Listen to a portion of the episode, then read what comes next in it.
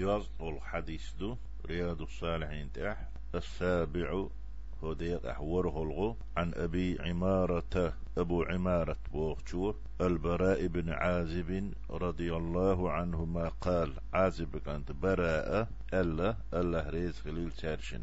قال رسول الله صلى الله عليه وسلم يلشنو ألا يا فلان حان يخال أصحاب يختعنك إذا أويت إلى فراشك ححيمت والتي فقل أح الله اللهم أسلمت نفسي إليك. هاي الله سيسه حون متح دوس أحبوه بديش دحوة دوسي ححكما متح دولش. حقيلا ريز دولش.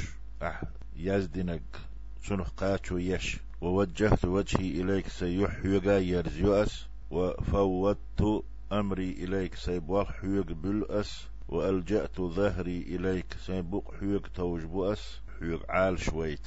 أح عال شوري دوك دوغ وسوة رغبة ورهبة إليك.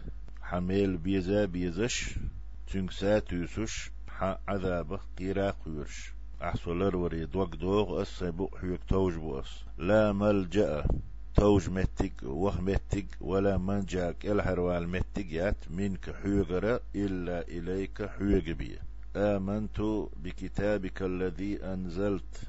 أحد وسين دولشو جينشك إيمان دل أس ونبيك الذي أرسلت. أحوايتا ولش مريء قال الله شي صحابي جن مريء عليه الصلاة والسلام. حيخنا إدشنش. معني خوش آل ديك دو إذا شاهو أولو خوش.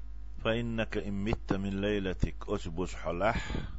يألش بس مت على الفطرة إيمان تحول شلير وها وإن أصبحت حعوريا قوالح ولا تسليش أصبت خيرا دكنك خير دعون.